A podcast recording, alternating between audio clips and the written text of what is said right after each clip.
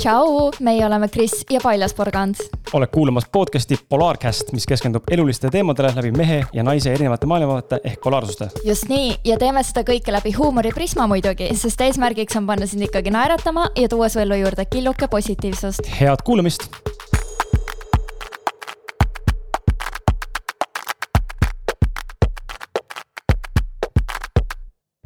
ahoi äh,, ahoi, tere tulemast uude saatesse ja enne kui läheme saate teemade juurde ja enne kui ma annan Merilile üldse sõna, sest et muidu ta räägib terve saate üksinda, siis ai, ai, tuli ära, siis ma tahan öelda seda, et äh, päriselt aitäh sulle äh,. aitäh sulle, hea inimene, kes sa meid siin äh, kuulanud oled viimase nädala jooksul. sellepärast, et äh, Eh, meie esimest saadet on kuulatud tänaseks eh, peaaegu üheksasada korda juba, see on päris eh, hea tulemus, arvestades seda, mis podcast'i maastikul Eestis toimub, et oleks selle näha, mis numbrid meil siin edaspidi tulevad, aga kaheksasada viiskümmend kuni üheksasada vahemikus me oleme täna olema nädalaga. tegelikult natuke vähem isegi, sest me oleme täna nädala keskpaik, sina kuuled seda siis, kui sellest möödus juba natuke rohkem, nii et aitäh sulle, et sa panustasid ja kuulasid ja see feedback, mis me saanud oleme, ma tahan nagu väga tänada selle eest, sest et ma arvan, et sa ise ka, armas inimene, oled minuga ja, ja Meriliniga selles mõttes nõus, et isegi kui sa oled enesekindel, me mõlemad oleme piisavalt enesekindlad inimesed Meriliniga ja, ja egoistlikult saame taguda vastu rinda ja öelda, et fuck that shit, ma teen parimat asja mm. -hmm. sest enda asja tuleb uskuda, aga, aga tegelikult see feedback, mis inimesed meile annavad, see alati innustab, aitab, motiveerib, inspireerib ja annab selles mõttes sellise kindluse või, või nagu mingisuguse sellise faktilise hea tunde, toetuse, et tõepoolest see asi, mis sa teed, see läks inimesele korda ja tagasiside on tõesti olnud äärmiselt positiivne, nii näost näkku, Messengeris e, emaili kaudu, ma ei tea, saadetes, Instagrami story des, Facebookis, you name it, et aitäh sulle uksest ja aknast tuli. tuli täiega lihtsalt ja kaminast ei tulnud, on ju.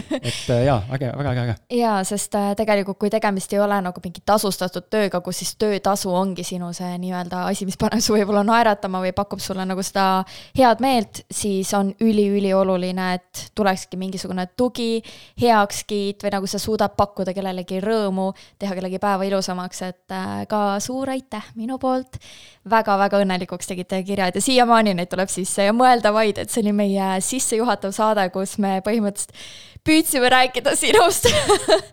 Aga kokkuvõttes ma lihtsalt äh, jagasin äh, paari oma elutarkust, mis tarkused need ka, ma ei tea, olla ei saa, aga loodetavasti mõnda ikkagi aitas. Tänaseks teemaks on meil mehe ja naise dünaamika, nii mehe kui naise vaheline dünaamika, kuid räägime siis ka veits üldse, et kes on meie jaoks mees, mehelik mees ja kes on meie jaoks naiselik naine. ma arvan, et seda on väga põnev kuulda nüüd siis ka vastassoo esindaja poolt.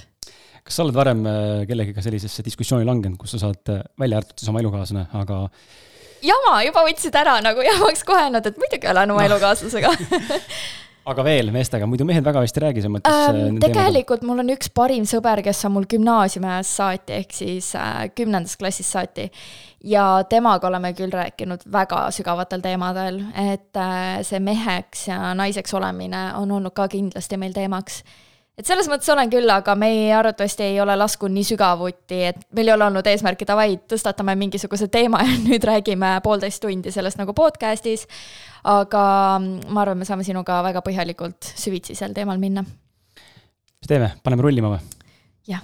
küsin siis äh,, äh, vaata, siin on huvitav neid küsimusi, mis ma kirja olen pannud, siin on väike selline kava meil tehtud ette äh,, mõned küsimused tulid ka juurde ja, ja mõned mõtlesime ise välja, et äh, alustame siis äh, naiselikkusest ehk naiselikkuse naise äh, või naiseliku naise kirjeldamisest äh, mul oleks huvitav äh, teada ja ma arvan, et sul on huvitav teada, mida mina võib-olla mõtlen, aga kumb alustab? Äh, tead, ma arvan, et naised tahavad rohkem teada, mida mees Mehen arvab me naised teame, mis on naiselik mm, -hmm. aga meid väga huvitab, mida arvab mm -hmm. üks mees. vaata, mina mida arvab üks mees, nüüd on see pressure peal nüüd on pinge peal ja nüüd on pekkis ja kui midagi valesti ütled, siis on see, et inimesed lähevad minema, on ju. ei äh, lähe nad kuskile. vaata, ma ei, ma ei esinda hoian kratist kinni väga hea, mul et ma ei esinda tervet meeste sugu ega nii-öelda siis liiki, on ju, et loomulikult mehed on erinevad ja, ja täpselt sama erinevad ähm,, täpselt nii palju erinevaid arvamusi on olemas maailmas, kui on erinevaid mehi, on ju, äh, niimoodi öeldakse vähemalt seega ühele meelele kindlasti kõigiga ei jõua. ma aga... mõtlengi, kas me teeme nüüd nii, et me räägime täpselt seda, mida sina arvad või mida sina tead, et üldine mees võiks arvata. et kas me võtame nagu eesmärgiks keskmise mehe või võtame nagu sinu no sa ei ole keskmine naine, ma pole keskmine mees. no täpselt, ma arvan, me oleme väga äärmuslikud ma võin, me võime rääkida korra, mis on keskmine Te, ja kas ja, me nõustume arvan, sellega. jah, jah, just. aga me ei tea, me oletame ainult, on ju. jah, ses suhtes, et äh, elu ei ole must ja valge, elu on viiskümmend halli varjundit nagu. okei okay., keskmine mees mm. -hmm. Mis ta siis naise juures, äh, milline on keskmise mehe jaoks äh, naiselik naine? okei okay., ilus, on ju, alustame sellest, mis see tähendab äh, noh, väga klassikaliselt vaadates peab olema tagumikku, peavad olema suured rinnad või vähemalt natukenegi suuremad kui lihtsalt pesulaud ja üldse mitte halvustavalt, aga nii-öelda sildiga, on ju, väiksed rinnad siis on tavaliselt klassikalised meeste jaoks mitte nii atraktiivsed ehm, ja nägu on see, mis eh, mehed kindlasti vaatavad ka, milline sa näost välja näed, et üldjuhul jälle stereotüüpselt lähtudes siis jahitakse väga sellist modelilikku Instagrami eh, fashionista välimust ja näopilti, on ju Äh, aga reaalsus ei ole alati see, neid naisi on vähe, kes ennast, kes sellised välja näevad nii-öelda nagu mingisugused äh, kaane, kaanestaarid, aga ma arvan, et klassikaline mees äh, vaatab neid kolme asja esimesena mul on väga hea meel, et sa ütlesid klassikaline mees, mul juba käisid siin ohutuled. Sest... me jälle oletame, me ei tea, vaata on ju. ei, aga tegelikult see on äh, selles mõttes suht fakt, et äh, see on ikkagi evolutsiooniliselt on mehed välja arenenud, nii suured rinnad tähendavad ju, et ta suudab äh, last toita rinnaga palju, et tal on palju piima. suur tagumik tähendab, et tal on piisavalt rasvavarusi, ehk siis ta suudab saada hakkama, kui on nagu nii-öelda põuaperiood. Ja ilus nägu on lihtsalt tore lihtsalt äge näidata, mul on ilus naine. jaa, ei tegelikult see ka viitab nagu, see on ka juba nagu linnud, vaata, et mida uhkem sulestik mm -hmm. ja mis iganes, on ju, mida ilusam lauluhääl. et seepärast on ka hääl ja nägu tegelikult ka inimesele olulised, me oleme ka loomad ju. Ja sa unustasid mainida ühe olulise asja, et rinnapepu juures on oluline ka see, et neid saab krabada, et oleme ausad, mehe, meestele meeldib. et naine eest ära jookseks. jah, meestele meeldib naiste tagumik ja meestele meeldivad naiste rinnad. noh, tänapäeval jah, muidugi, et see on juba iluteema, on ju.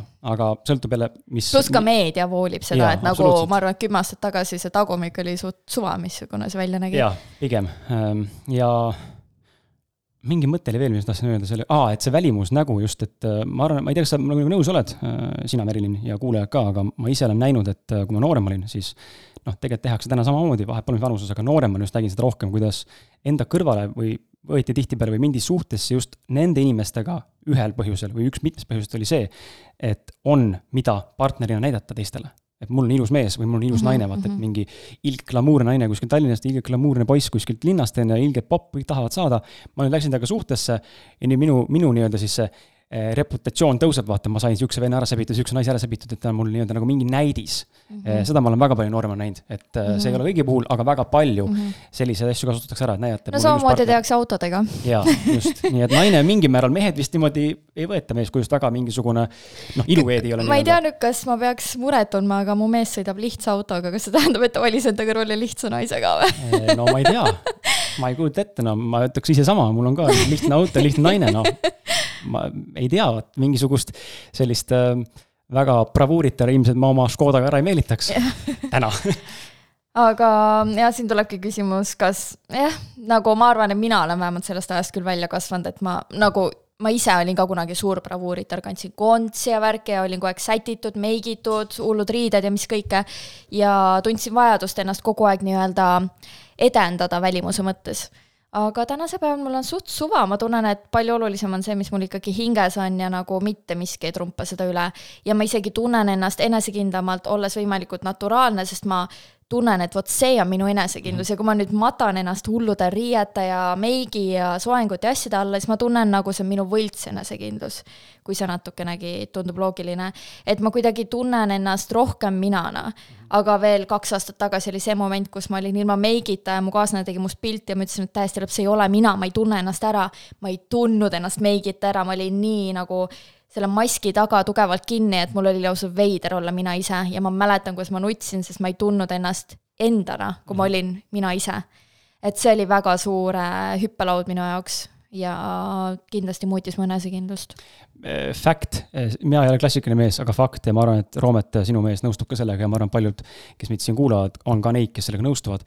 sa näed fantastiline välja ilma meigita. Äh, ma hindan naisi, kes on ilma meigita, minu meelest make, see on väga bold statement, aga mm -hmm. make teeb naised koledamaks minu jaoks. nii mõnigi naine, naine, mees on seda öelnud kusjuures ja mul kaaslane ka ei nagu kindlasti oleneb ka väga meigist, aga mida tugevama silma sa teed, seda rohkem, kusjuures see hirmutab millegipärast mehi, ma ei tea, kas sa oled liiga nagu näed liiga agressiivne välja või nagu võib-olla kaob see naiselik pehmus ära, et äh, kindlasti on meigil ja meigil ka väga suur vahe, näiteks igapäevane kerge meik on minu arust väga nunnu.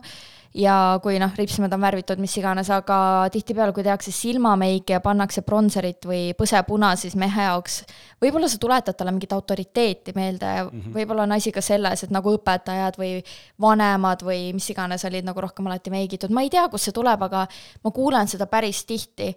Ja kui ma ma ei mõtle nagu neid komplimente minu suunas, kuigi noh, neid tuleb ka.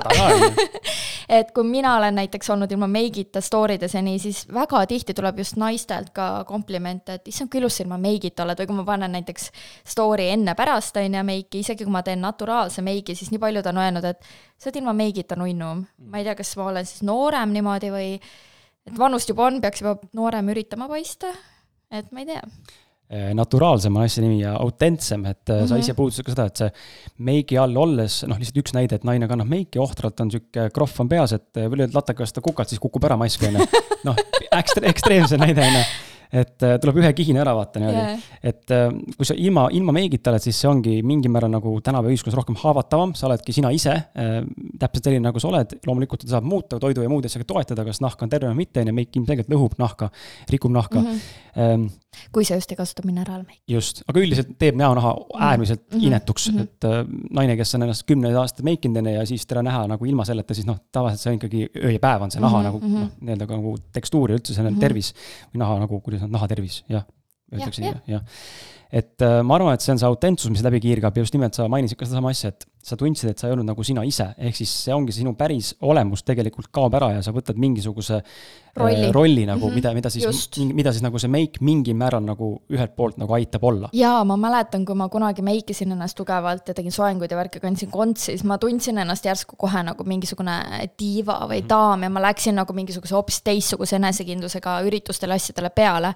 ja see mõjus hästi paljudele kurjalt või nagu mulle öeldi hästi tihti, et ma olen ülbe, ma olen bitch ja ma ei saanud kunagi aru, kust see tuleb, et ma tean, ma nagu südamest ei ole ülbe, ma olen väga siiras ja südamlik inimene enda arvates. ära nüüd valeta, on ju. ära ütle nii, päriselt. et äh, ma püüan alati olla hästi tore ja nagu vastuvõtlik ja alati, ma ei taha kunagi kellelegi halba. ja siis see oli minu jaoks nii võõras, et kust see nagu tuleb. ja siis ma sain hiljem nagu aru, et kui minul on see meik peal ja kõik, et siis ma olen väga sihuke jah, mul tekkiski see võlts enesekindlus lihtsalt nagu minna ja näidata, mida ma väärt olen, kuigi tegelikult ma tunnen, et kui mul ei ole seda kõike peal, siis ma olen hoopis teistmoodi enesekindel, ma olen sel-, selles mõttes enesekindel, et oh, ma tunnen ennast lihtsalt hästi iseendaga, ma tunnen ennast hästi sellena, kes ma olen ja ma ei pea tunduma nagu mingi äge ja sihuke võimas bitch aga liigume siit veits edasi, et me liiga pikaks ühe küsimuse taha mhm. kinni ei jääks ähm,. minu silmis on naiselik naine, minu, või noh, ma arvan, naiste silmis on kindlasti naiselik naine see, kellel on, äh, kes hoolitseb enda eest et äh, esiteks ta hoolitseb enda füüsilise välimuse eest, toitub tervislikult äh,, teeb trenni, tal on küüned näiteks korras, et ei ole küüned näritud ja et see ei pea tähendama otseselt maniküüri, aga lihtsalt, et küüned on korras ja puhtad.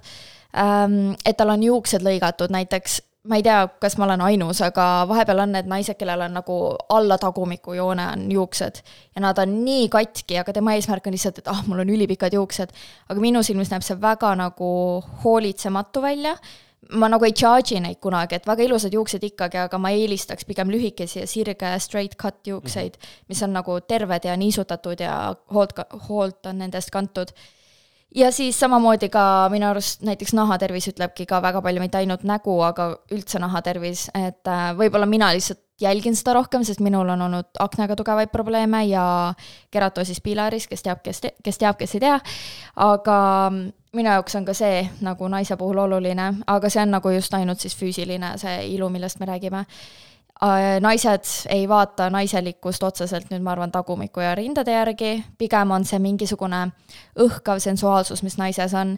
et äh, nii naljakas, kui see ka ei ole, mu kutt on ka öelnud, et kõik, kui ma vallaline olin, siis kõik pildid, mis mul on tehtud vallalisena või videod või mis iganes, kus ma olen nagu üles astunud, ma olen seal hoopis teise naisenergiaga, minus õhkus nagu sex appeal'i ja mingisugust nagu sensuaalsust, sihukest, et nagu oh kutid, ma olen siin ja ma olen vallaline. Et just eile ma näitasin talle kahe aasta taguseid äh, videoid oma ühest reisist, kui ma, kui me ei olnud veel koos. ja ta oli mingi, et täiesti lõpp, nagu kas sa kavatsesid kõiki inimesi nagu sotsiaalmeedias võrgutada, ma mingi, mis asja, ei ole lihtsalt minu näost pilt, ei, sul on silmades see nagu, et tule ja otsi mind üles. Et ähm, mu arust jah, see naise kõnnak näiteks on ülioluline, et mõned naised on lihtsalt siuksed lodevad ja nagu siuksed jah, nagu las olla sellised või mis iganes, kõik ei peagi naiselikud olema, aga minu jaoks, kui naine kõnnib seksikalt, siis nagu ongi täiesti teine vibe, et nagu see naine ongi seksikas, lihtsalt sa tead, et see naine on voodis hea, nagu ma võib-olla naisena nii ei mõtle, on ju, aga kui naisel on seksikas kõnnak, siis sa tead, et ta on tegelikult nagu ka voodis väga seksuaalne ja nagu niisugune kirglik ja ta on kindlasti naiselikum naine. ta on kontaktis endaga rohkem jah, ma arvan, et mhm. sealt sa tunnedki mingit kontakti, et ta nagu tunnetab oma keha, ta tajub oma olekut ja kõike seda, et äh, minu arust see on väga oluline kas naised üldse vaatavad üksteise rindesid ja, ja. kannikat ja võrdlevad, mõtlevad äh,? kõige naljakam on see, kui ma käin näiteks, äh, kui mul on mingisugunegi dekoltee mm, -hmm. siis äh, mu kaaslane ütleb, et nagu kõik naised vaatavad su rinda, mehed ei julge vahepeal, nad vaatavad salaja, aga naised tulevad vastu ja nemad nagu, nad, nad ei häbene ka, et ütleme, et kõigi naiste pilk käib mu rindadel, siis ma mingi what? Et äh, ma ise olen pigem nagu vaadanud siis, kui miski nagu jääb väga silma ei no nagu, kui on väga suur dekoltee või midagi või või nagu mingisugune free the nipple või mis iganes, on ju, paistab kuskilt läbi või mida iganes, siis see jääb nagu silma, sest see on tavapäratu, on ju. Aga muidu ma otseselt nagu ei vaata ja mul endal on hakanud ka väiksed madriinad kusjuures meeldima, kui sa rääkisid vaata sellest rinde suurusest, et suurem on naiselikum, siis mul on aina rohkem hakanud meeldima väiksed rinnad ja minu arust väike rind on nii nunnu ja seksikas omas mõttes, et äh, nagu see, see kõlab väga vastuolulisena praegu äh, teades minu ajalugu, et ma olen rinnaoperatsiooni käinud, aga see oli tehtud noorena, täpselt siis, kui ma tundsin, ma pean kogu aeg nagu tõestama ennast ja nagu mul on vaja ennast edendada ja mul on vaja olla nagu perfektne. et see vajadus kadus ära ja siis kadus ka vajadus ära suurte rindade järele, vahepeal ma vaatan oma vanu pilte, et issand, kui nunnu ma sain kanda siukseid toppe ja värke, ilma et ma näeks välja nagu mingisugune lirva reaalselt. pornostaar. jah, et nagu nii palju asju sai rohkem kanda aga tagumiku mõttes näiteks ma küll vahepeal vaatan ja ma, ma ei vaata selle pilguga, et nagu oo, tahaks seda tagumikku nüüd krabada, on ju, võib-olla nagu, nagu mehed või et tahaks kujutada seda tagumikku enda ees nagu. Aga ma vaatan pigem selle pilguga, et huvitav, kui palju ta peputrenni teeb või mis harjutusi ta teeb või et äh, huvitav, kuidas ta on selle saavutanud, sest enamjaolt ikkagi hea tagumik tuleb trennist. et kui sa saad läbi rasva kogumise oma tagumikku, siis see rasv koguneb ka mujale, nii et sa paned tähele, mis on nagu trennis saavutatud, võib-olla mõni petab ära oma äh, hea kirurgitööga aga tead, sa tunned ära, et, et see on ikkagi treenitud tagumik ja see on pigem nagu sihuke austusavaldus minu poolt, et kurat, tüdruk, sul on hea tagumik, sa oled nagu vaeva näinud et äh, ma ise olen ka sihuke, armastan tagumikku treenides, ma võib-olla panen rohkem tähele, vot. mehed. Oh.. milline on, äh, kirjelda Merilin enda seisukohast ja siis klassikalise naise perspektiivist lähtudes, milline on mehelik mees? alustame siis nagu sinagi klassikalisest.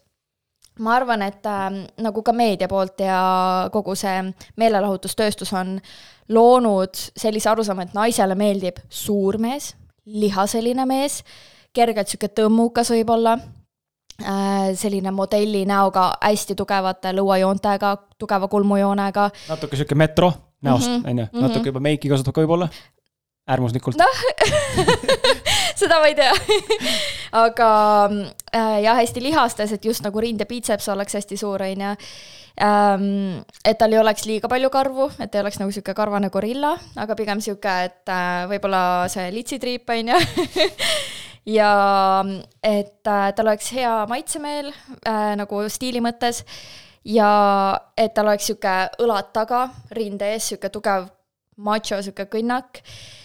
ja et olekski üldse nagu sihuke, ma arvan, et äh, isegi naistele meeldib veits nagu agressiivsem mees nagu selles mõttes, et mis sa mu naisele ütlesid, mis ütlesid, peksa saada või? et nagu ma arvan, et paljudele meeldib selline ja siis ähm, mees, kes ei nuta ja mees, kes äh, teenib palju raha ja kellel on ilus auto. Mm. -hmm. ma arvan, et see on nagu alateadvuses naistel mõneti, ma ei taha solvata naisi, võib-olla ei ole, aga mulle endale on jäänud mulje, nagu mida rohkem nagu sa tarbid meeleolutust, kuuled sõbrannadelt, kes millega uhkustab, sa saad aru, et väga huvitav, et sa tõid välja, kui palju raha tal on, et te kohtusite Essa Cordes, ütled, et talle kuulub see firma, see firma ja ta sõidutab mind eralennukiga, et nagu miks see üldse oluline on? et äh, kui sa paned nagu neid asju tähele, siis sul tekib mingi arusaam, mis on nagu niisugune keskmine, aga võib-olla ei ole. aga minu silmis näiteks äh, kui ma olin rohkem fitness-alal, siis mulle meeldisid ka suured machomehed või noh, mitte ei, otseselt ei meeldinud, aga kui ma varem nagu ei sallinud üldse lihaseid, et minu jaoks olid lihased kuidagi nagu, miks neid vaja on või nagu rõve siis mida rohkem sa ise käid fitness-laval ja trennis ja niimoodi, siis sa hakkad nagu hindama jällegi, nagu sa hakkad austama seda lihast, sest sa tead, mis töö seal taga on. et siis, siis vahepeal mulle isegi meeldis mingi six-pack ja niimoodi, on ju, et mitte, et mul praegu selle vastu otseselt midagi oleks, sest mu oma mehel on ka aga nagu see kadus jälle ära, et äh, kui mina avastasin iseennast ja nagu läksin naturaalsema ilu poole, siis mulle kadus ka ära see, et mehes peaks olema treenitud või midagi. et jah, muidugi ma täiega hindan ja olen õnnelik, et mu mehel on väga treenitud keha, aga samas nagu ta ei ole ka mingisugune täis pumbatud, vaat ta on nagu sihuke slim, aga fit et äh, väga paljud naised tahavad ikkagi meest, kelle, ma ei tea, biitseps on sama lai kui naise reis, on ju et minul seda üldse vaja ei ole ja mul ei ole vaja ka, et mu mees näitaks oma keha või nagu mul ei ole vaja uhkustada tema kehaga ega midagi. et äh, minu jaoks võiks kas või lihtsalt slim mees olla, aga noh, ülekaalulisus on juba selles mõttes ma arvan, et seda pigem ei eelista keegi just selles mõttes, et ülekaalulisus tähendab, et kuskil on juba mingi probleem. kas inimene toitub valesti, kas ta ei liiguta ennast piisavalt, kas tal on mingi haigus, kas ta on mingitel ravimitel, et see on juba nagu tervise seisukohast lähtuvalt aga näojooned, jah, mulle meeldib nagu lõuajoon, aga jällegi mul ei ole üldse nagu mingit vajadust, et mees näeks mingit kindlat tüüpi välja, sest kui mehes on olemas mehelikkus, mis tuleb ta südamest, siis see nagu vallutab minu. ja minu jaoks mehelikkus südamest on see, et äh, ta nagu hoolitseb sinu vaimse tervise eest, nagu isegi rohkem kui füüsiliselt, mul ei ole vaja, et keegi mulle oma rahakotti avaks vaid mul on vaja, et kui ma tunnen ennast nõrgana, ma olen emotsionaalne, et ta mõistab, et ma ei tea, kas mul on päevad või kas mul on lihtsalt mingisugune emotsionaalne kriis, naistel emotsioonid nii palju rohkem kõiguvad, ja ta on valmis võtma mind kaisu ja lihtsalt hoidma mind, kallistama mind, küsima, mis mul mis mul mureks on, kas ma saan sind aidata, kas ma saan sul lihtsalt toeks olla. et see on minu jaoks kõige seksikam asi mehe juures ja muidugi ka mehe äh, mehelikkus selles mõttes, et ta just julgeb pigem nutta, kuigi paljud naised ei salli, kui mees ta ees nutab, et aa, et see on nõrkus.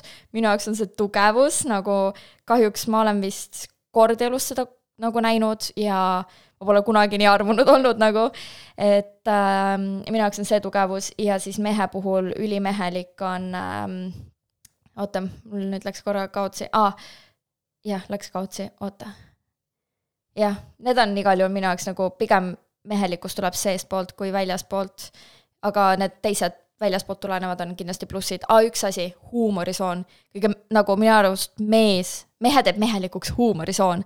kui mees teeb head nalja, nagu mehe ülesanne on minu arust nagu panna naine naerma, naeratama, teha õnnelikuks. ja kui naisel on ka veel hea huumorisoon, vot siis on nagu perfektsus, sest siis saab nii palju üksteisele puid alla panna, mida me oma kaaslasega kogu aeg teeme. ja talt on ka kusjuures küsitud, et kuidas, ähm, et mulle, oota, kuidas sa leidsid naise, kellel on nii sama haige huumor kui sul umbes või mis iganes, et mulle meeld-, aa, mulle meeldib, et Merru ei ähm,, ei saa pahaseks, kui sa talle puid alla paned ja nagu talle kuidagi nagu sarkastilisi nalju teed siis ta ütles, et äh, jah, see juhtub siis, kui sa leiad endale naise, kellel on sama haiglane huumor, aga siis tuleb arvestada ka sellega, et sa saad Saad täpselt sama palju puid alla, et sa ise ei tohi ka solvuda. et äh, minu jaoks see on nagu suhtes üks kõige seksikamaid asju ja nagu see loob ka mingi polaarsuse tegelikult, sest teil on ikkagi erinev huumor, ühel on mehelikum, teisel on naiselikum, aga te saate väga nagu koos mängida sellega. ja siis tead, üks asi oli veel ähm,, mehe kehahoiak ja kõnnak on millegipärast äh, ma olen tähele pannud, et on ainult minu puhul vähemalt niimoodi, et äh, esimene asi, mida ma märkan, sest see on esimene asi, mis nagu kehakeel ära ütleb, kas ta on suletud, kas ta on agressiivne, kas ta on avatud suhtleja, kas ta on rõõmus isegi, et see, kui palju inimene ka oma kätega ja kõigega väljendab, näitab ju väljendusrikkust ja kõike. Ja ma nii mäletan, et äh, mul jäi silma alguses, kuidas mu kaaslane kõndis ja kuidas see on muutunud nüüd aja jooksul, ta kõnnakesegi, et ma panen niisuguseid asju täiega tähele ja ka kehahoiakut, et mulle ei meeldi, kui mees küürutab kuidagi või nagu ma tunnen, see loob minu silmis nagu selle, et miski on nagu jälle valesti või nagu ebatervislikkus või mis iganes, kunagi on seljaprobleemid, et nagu ka lihtsalt tervise mõttes, aga kui mees nagu hoiab oma keha hästi, ta ei seisa jalad ristis, ta ei istu jalg üle põlve, et ma ei tea, need on ka millegipärast mulle väga olulised, ma ei tea, miks. Oh.. põhimõtteliselt äh, mul pole midagi lisada, next question. Äh, jaa, ei, ma olen enamus asjadega nõus, et äh, ma saan ainult rääkida jälle, mida mina mehena teiste meeste juures siis mm -hmm. märganud olen või nagu näen, mida, mida meeste juures hinnatakse või mis kirjeldab mehelikku meest, siis jah, välimus loomulikult, need lihased ja, ja see macholikkus ma arvan, et seal, vaata, siin tuleb juurde tuua sõna enesekindlus, enesekindel mees, me võime seda väga erinevalt defineerida, mina usun, et enesekindel mees on iseloomus kinni, mitte ainult siis selles, mida, mismoodi ta ennast nagu nii-öelda presenteerib mm, -hmm. aga loomulikult see, see macholik ja selline noh, natuke agressiivne, üleolev ja selline noh, see on pool jutumärkides ossilik olek, sihuke peale surutud, sihuke, et tule mida vittu, ma näitan sulle raisk. Siuksed vennad, need on nagu lihtsalt naistele lähevadki peale, sest nad ongi enesekindlamad eh, mingil põhjusel. aga minu jaoks on see väga fake enesekindlus, sest et need inimesed on tegelikult, need, sellised mehed on tavaliselt kõige rohkem katki. sest nad tunnevad ennast pidevalt ohustatult ja, ja, ja nad peavad, ennast kogu aeg kaitsma, teisi kaitsma. -hmm. peavad selle predaatori esile tooma, eriti kui meie seltskonnas on veel üks mees mm, -hmm. siis ta mhm. peab näitama, et ta on see mehisem mees, aga mm -hmm. see alfa isaks olemine on tegelikult äh, minu meelest, sellised alfad on tegelikult teetad või isegi veel madalamas tasakaalustuses, ilma et nad mõistavad mm -hmm. ise seda. Ehm, ja ma mõistan, et see on ka väga jälle julge väljend ja, ja nagu nii-öelda nagu mõte, aga ma näen lihtsalt seda, et sinu seesama lause, et mehed võiks julgeda näidata ka enda emotsioone ja tundeid, siis mina arvan ka, et tugevus on see, kui mees julgeb näidata enda inimbioloogia nii-öelda või biokeemia siis äh, olemust, milleks ongi tunded ja nutmine, pisarad ja rõõm ja õnn on ju, mis iganes veel seal kõik on mm -hmm. koos sellega. et mees ei pea ennast äh, varjama või kuidagi häbenema naise eest nutmist või, või ma ei tea, mis iganes veel, et äh, mina ei häbene, äh, ma olen seda korduvalt, ma arvan, teinud, äh, ükskõik kui imelikult see ei kõla ka, siis mul ei ole probleemi nutta, kui ma tahan, tunnen, ma tahan nutma hakata mm, -hmm. valus hetk on. vanasti oli võib-olla rohkem, täna kindlasti mitte ammu juba, et ja nii kahju, et seda last, lastele juba surutakse sisse, ega see mingi eit ei ole Mehed ja ega, ja et ega see mingi tüdruk ei ole, tüdrukud pillivad, plikad pillivad öelda hästi palju ja et äh, suru oma emotsioonid alla ja nagu vaigista see sisemine laps endas mm -hmm. ja siis see jääbki lihtsalt vaigistatuks, kes tahab lihtsalt karjub, et ma tahan välja saada, ma tahan nutta, ma tahan emotsioone kogeda see, see alla surutud emotsioonidega on see probleem, äh, et tihtipeale need lõpevad väga suurte traumadena, mis saavad alguse lapsepõlvest või siis mm -hmm. mingist sündmusest meie elus ja, ja tegelikult see võib viia ka reaalselt füüsiliste haigusteni isegi mm -hmm. noh, heal juhul mm -hmm. kõige äärmisel juhul ma arvan ekstreemsuses ka surmani, aga, aga pigem toob mingit asja esile ikkagi lõpuks füüsiliselt mm, -hmm. mingi haigus, et seda ei tohi suruda alla kas nüüd peaks kogu aeg nutma, ma ei tea, noh, võib-olla peaks suutma ka enda emotsioone kontrollida, et mm -hmm. nagu mitte lakkamatult kogu aeg lihtsalt nutta, eks ole, aga, aga see nutmine ei ole nagu üldse unhealthy nii-öelda version. jaa, pluss ta ei pea alati otseselt füüsiline pisarates mm -hmm. olema, et kui sa lihtsalt tunned valu, siis lihtsalt koge seda valu ja tunneta seda valu, sa ei pea nagu füüsiliselt nutma, pressima pisaraid välja, et nagu jess, ma sain nutetud nüüd, on ju.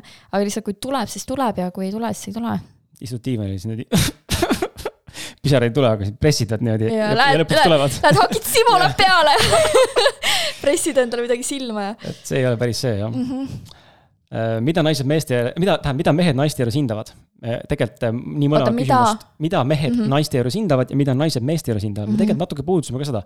räägime siin isiklikust tasandist, mida sina hindad, too välja näiteks kaks, kolm peamist asja. okei okay. um,, ma nüüd see kõlab nagu väga basic ja sihuke klišee, aga seal taga on midagi enamat. nagu näiteks täna me tegime nalja, enne kui äh, kaaslane mul siit äh, minekut tegi, et äh, kui mees toob naisele lilli, siis naine on õnnelik. ma tõesti hindan, kui mees toob lilli ja see ei ole lihtsalt see, et aa, lill et see, teate, ei, pea isegi lill olema, see võib olla mis iganes asi, näiteks et ta tuli poest ja ta võttis maasikaid kaasa, et nagu suviti eriti näiteks, on ju lilled igal pool niikuinii ju. aga lihtsalt see, et ta oli ära ja ta see hetk mõtles sulle, kui ta läks millestki ilusast mööda ja kui mehele seostub lilli nähes sina, siis nagu mida ilusamat saab seal olla. või kui ta näeb su lemmikkummi või kui ta läheb kohviku, läheb ise kohvikusse ja tuleb sealt ära, nii et võtab sulle ka -hmm. kohvi kaasa. nagu lihtsalt see väike väike asi, väike samm, mida sa astud, mis tähendab naisele nii palju, sest naised tahavad, et neid märgatakse, et neid hinnatakse. ja olgu see siis kas see, et näiteks sa istud diivani ja ta ütleb, tahad sa, ma teen jalamassaaži samal ajal sulle, kui me vaatame telekat, olgu see ükskõik mis asi, see ei pea olema materiaalne. aga lihtsalt see, et mees nagu märkab sind, paneb tähele ja lihtsalt tahab sulle pakkuda midagi head ja toredat. see on minu jaoks nagu nii oluline, et olgu see siis kingitus, lill või jalamassaaž mm. -hmm et see kindlasti ja ma ei kujutaks ette oma suhet ilma selleta ja sama hästi ka käes kinnivõtmised ja siuksed asjad või random musi, kui ta sinust mööda kõnnib või pepulaks, kellele, mis meeldib, on ju. et ka see on minu arust väga oluline. siis teiseks um, ma hindan väga seda, kui mees otsib privaatset aega minuga. et tavaliselt on ikka naised need, aa, lähme date'ile või lähme teeme midagi või mis iganes. et mehed on pigem siuksed, kes lähevad naistega kaasa, nagu mingite mm. asjadega kaasa.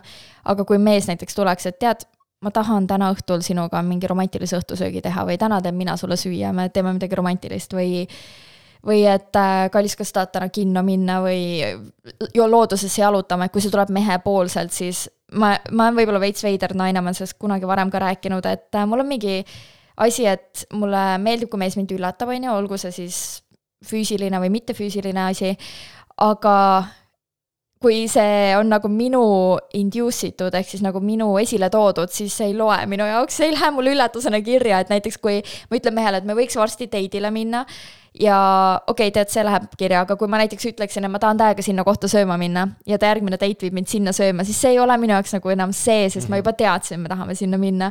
et just see, kui ma ei tea, kuhu me lähme või mida me teeme või mis seal kingikarbis nüüd on, ei ole see, et ma tahan jõuludeks saada, ma ei tea, Versace lõhna ja siis tuleb Versace lõhn, nagu mul on mingi me. aga just see, kui ma nagu näen, et mees paneb oma mingisugust vaimset nii-öelda mõtisklemisaega millegi sisse, et teha mulle mingisugune üllatus, see on minu jaoks ka hästi oluline.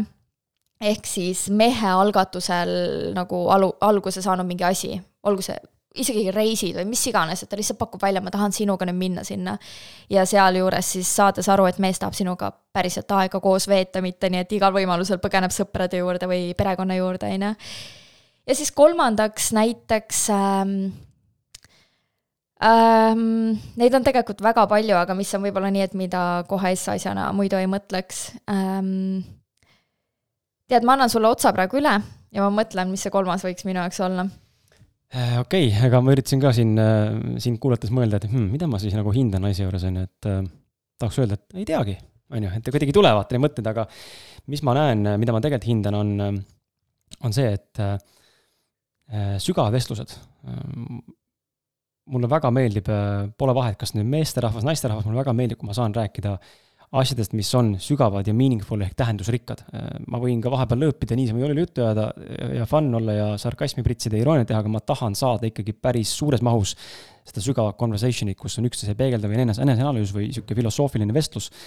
ja ma olen väga tänulik, et mu naine seda täna mulle pakub, see, see on nagu minu jaoks väga fantastiline, et on inimene, kes mõtleb kaasa ka sinu asjadele. kui ma küsin midagi näiteks, et ma ei tea, alati ma teen mingi bänneri mingi ürituse jaoks või teen mingi saate või tuleb mingi mõte midagi teha, siis ma küsin ta käest, ta arutleb, mõtleb eh, kaasa, annab ideid, annab mhm. soovitusi mm. -hmm. kui ütleb, talle ei meeldi, siis ta põhjendab, miks talle ei meeldi, mitte et niisama, et mulle see ei meeldi, miks mm, -hmm. ma ei tea, ei meeldi, vaid ta oskab alati öelda, et see natuke võib-olla sealt too ja tee nii ja naa. ehk siis mulle väga meeldib, inimene mõtleb kaasa. teine asi, mis mulle kindlasti hästi oluline on, see on jälle nüüd selline asi, mis eh, noh, mingil määral arvatakse, mehed ei taha tähelepanu saada mehed tahavad samamoodi saada tähelepanu ja hellust oh, ja hellust ja mitte vähe, on ju, mina oh, tahan, tahan väga, et mu naine mu selga sügaks või, või vahepeal teeks kas või lihtsalt pai või, või äh, ma ei tea, lihtsalt võtaks mind kaisu või, või tuleks lihtsalt mulle sülle, on ju, lihtsalt mm, -hmm. lihtsalt, lihtsalt olema, me ei pea tegema. me ei pea seal käperdama tatti panema kohe, vaid lihtsalt tahaks nagu olla lähedal. -hmm. ja mul on olnud eelmises, mul on olnud kaks suhet üldse elus, tahtsin öelda Eestis, elus. Äh, kaks tõsist suhet, ütleme siis, üks oli siis juba seitse aastat tagasi või peaaegu kaheksa, rohkem isegi, jumal, kaks tuhat kümme, kaks tuhat üheksa vist ja, ja siis äh, seal mina olin see klammerduv pool mm. -hmm. ma olin mhm. hästi kiindunud, ma olen inimesena selline, kes ma tahan, ma tahan oma partneriga võimalikult palju kogu aeg koos olla, mina usun, et mhm, üks mhm. suhte tugevatest vundamentidest ja key äh, success võtmetest või nagu edudest on see, et me teeme võimalikult palju asju koos, see ei tähenda mm -hmm. seda, et me oleme üksteise kukil ups, täna me niimoodi oleme oma elukaaslasega, on ju, et aga, aga selles mõttes oma aeg on ka oluline, aga ma olen inimesena see, kes ei vaja enda aega väga palju mul ei Siis ole, mul ei nagu ole mina. seda, mul ei ole seda üldse mm. -hmm.. elukaaslane tahab vahepeal olla oma asju teha ja olla vaikuses näiteks on ju, minna mm. -hmm. jalutama kuskil või oma aiast, kuna ta on aiakujundaja, siis tema jaoks nagu mingisugune asi, et läheb oma aeda ja on kolm tundi seal on Mhm. ju. minu jaoks ei ole see vajalik, ma võin seda teha, aga I don't need it. Mhm. ja mu eelmises suhtes mul oli reaalselt probleem, ma olin noorem ka ja ma ei osanud seda kuidagi väljendada ja ma olingi hästi klammerduv ja tundis ennast ahistatuna. täna ma olen nagu üliõnnelik, et mu naine on samasugune, kes tahab saada sellist nagu noh, klammerduvat lähedust mingil määral. jah, meil on omad tegemised, aga nagu ma ütlesin, eesmärk on äh, olnud meie jaoks see, mis meie suhe täna on nagu kestnud sellisena, nagu on, kaheksa aastat ja reaalselt peaaegu et noh, võib öelda nu- null tüli on meil olnud, selles mõttes meil on nagu suurepärane läbisaamine, ma ei ütle, et ideaalne suhe, aga väga hea suhe on. ja sellepärast, et meil on mõlemal samad vajadused. Mhm. kas see nüüd õige on ja ma tahan saada välist, väliselt nagu seda armastust, on ju, see ei ole võib-olla õige kõige lõpuni välja, aga ma näen, et see on väga suur osa, mis täna olemas on, see on minu jaoks väga oluline.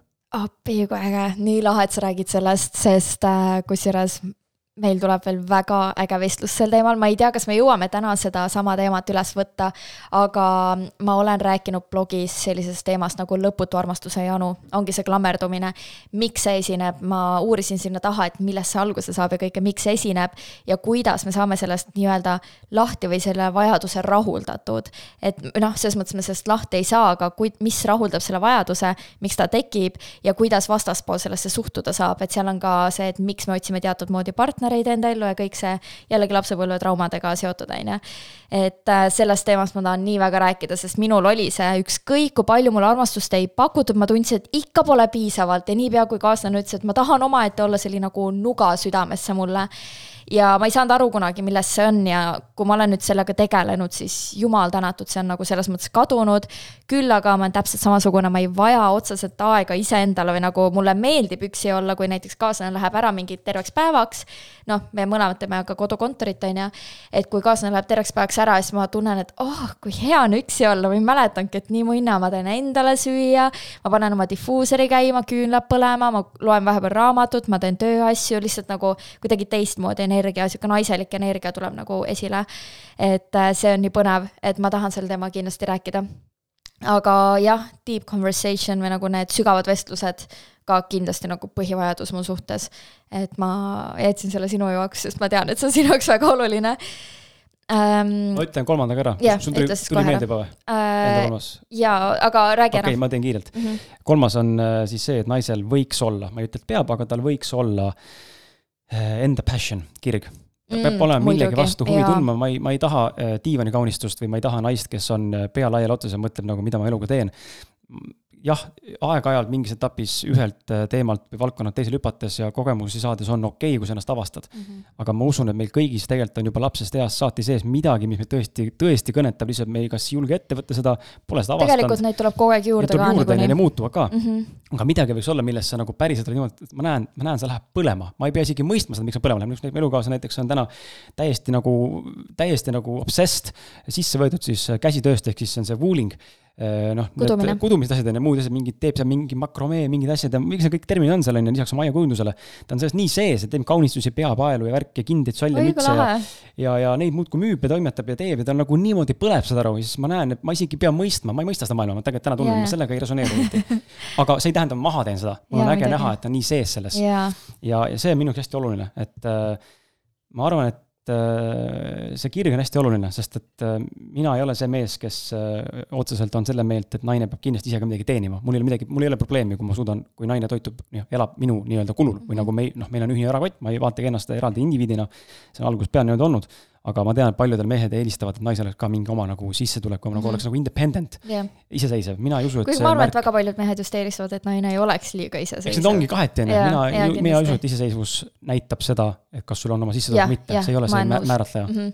aga ma olen ka selle kire teemal nii nõus, ma arvan, et see on üldse igas suhtes, et paljud kindlasti ei saa aru, et mis juhtus, et ma nagu olin nii sisse võetud sellest mehest või naisest ja aastad lähevad, aga nagu mingi asi hakkab kaduma, kirg selle inimese vastu hakkab kaduma. ja siis kusjuures ähm, suhteterapeudid ka räägivad, et ülioluline on mitte enda kirge seal kõrval kaotada, sest su vastaspool, su kaaslane paneb seda tähele, et sa nagu otsid tema käest kõike seda kirge, et sa hakkad nii palju nõudma, sest sul endal puudub elus see kirg. ja pole seksikamat asja näiteks, kui mul kaaslane, ma näeksin teda, kuna ta on, tegeleb ka väga palju videograafia ja sihukeste asjadega kui ma näen teda, ma ei tea, kas monteerimas või ta teebki, filmib oma mingi Youtube'i videoid või teeb muud mingisugust töö otsa, seda on seksikas vaadata, sest ta on omas elemendis, ta oskab seda ja ta tegeleb sellega, seepärast ma arvan, et hästi paljudele meest, naistele meeldib ka näha mehi remonditöökojas või nagu ehitamas midagi, et see on ka nagu, nad teevad seda, okei okay,, mõni teeb väga vastumeelt kindlasti, aga ikkagi seda on kuidagi seksikas näha, et mees nagu väljendab oma oskuseid ja teadmisi ja kõike. ja näiteks kui minul oli, et kaaslasele väga meeldis, kui ma kokkasin talle, mida ma tegin nagu väga tihti ja mulle endale meeldib ka väga köögis olla, ma lähen ka põlema kohe et äh, talle meeldis seda näha, aga noh, nüüd ma näen vähemalt, mida ta mõtles selle all, et teda on hakanud ka väga kokandus huvitama ja väga seksikas on näha, kuidas mees ikka paneb, praeb ja hakib ja kõike ja siis tuleb ja serveerib toitu ja see on seksikas. ma arvan, et see on hästi oluline, olgu kasvõi trenn selleks, et sa ma ei tea, näed, et kaaslane võtab iga õhtu selle trennikoti ja läheb trenni, et ka see on ju tegelikult väga hot aga mul tuli ka enda kolmas äh, meelde ja selleks on see, et äh, mees oskab arvestada sinu vajadustega, mis võib-olla ei ühti tema omadega või siis noh, ka naine samamoodi, on ju et äh, mida ma silmas pean, on just see, et alguses, kui me suhtesse läksime, me olime ikkagi üpriski erinevad. küll aga ta nägi võimalust mind hästi palju tervendada. et ma olin üpriski katki ja omal sihuke enesekindlus, baasenesekindlus puudus ja ma ilmselgelt ju väljendan oma traumasid, oma haavu ju kaaslase peal, sest seepärast me valimegi endale kaaslased, et nemad tervendaksid meid. me ei tohiks küll nagu teadlikult seada talle seda nagu eesmärki, et tule siia, tule ja aita mind siit sopaaugust välja, aga see on tegelikult see, mis suhetes toimub ja miks üldse suhted meil elus vajalikud on. et me saaksime jälle terviklikuks ja igal juhul sellest me räägime ka kunagi hiljem, ma arvan, sellesama teemaga seonduvalt igal juhul minul oli näiteks väga palju asju, et mis trigerdasid mind, et ära ütle neid sõnu või ära käitu nii, ära tee naa, ära, ma ei tea, tee seda, on ju. ja isegi kui neid oli väga palju, siis ma olen hirmsalt tänulik, et mu kaaslane ei olnud nagu, et aa, see ei ole mina ja ma umbes nii ei tee, et ta teadis, et ma ei taha teda muuta, vaid ma tahtsin ennast säästa. ja ta säästis mind väga paljudest valukohtadest ja need ja see, et ta säästis, see ongi suhtes vajalik, et minu trauma ja haav saaks parandatud, et ma näeksin, et on võimalik teisiti. a la naine, kes tuleb, ma ei tea, peksva mehe juurest, on ju, siis niipea, kui mees näiteks karjub, tal juba trigerdab, et davai, peksmine mm -hmm. nagu järgneb sellele ja ta palub, et kas saame nii, et sa ei karju mu peale, sest mul tekib kohe hirm, et sa lööd mind, kuigi ma tean, et sina mind ei löö, aga eelnevas suhtes see oli nagu probleemiks ja ma tunnen seda hirmu ikka ja jälle, see teeb räigelt haiget ja mees näiteks ongi, et okei okay,, ma õpin nagu kuidagi teisiti lahendama, mhm. kuigi ma olen väga karjuv tüüp, ma teen seda kõigiga, mul lihtsalt vali hääl võib mees öelda, on ju. aga ta arvestab naise sooviga ja kuna mees enam ei karju, siis naine saab aru, et ta ei ole ohus, tema haav paraneb, et näe, mees hoolib must ja isegi kui mingi aasta pärast see mees peaks karjatama, siis see naisel on olnud piisavalt aega, et tervendada endas see haav et nagu see oli asi, mis meil aset leidis, mitte sellise näite puhul muidugi, et ähm.... Roomet röökis ja sina nutsid Roomet röökis ja mina nutsin, et õnneks mitte sellise näitega, aga neid näiteid on ikka väga palju olnud, mis minul on tekkinud eelnevatest suhetest või lapsepõlvest, erinevad traumad.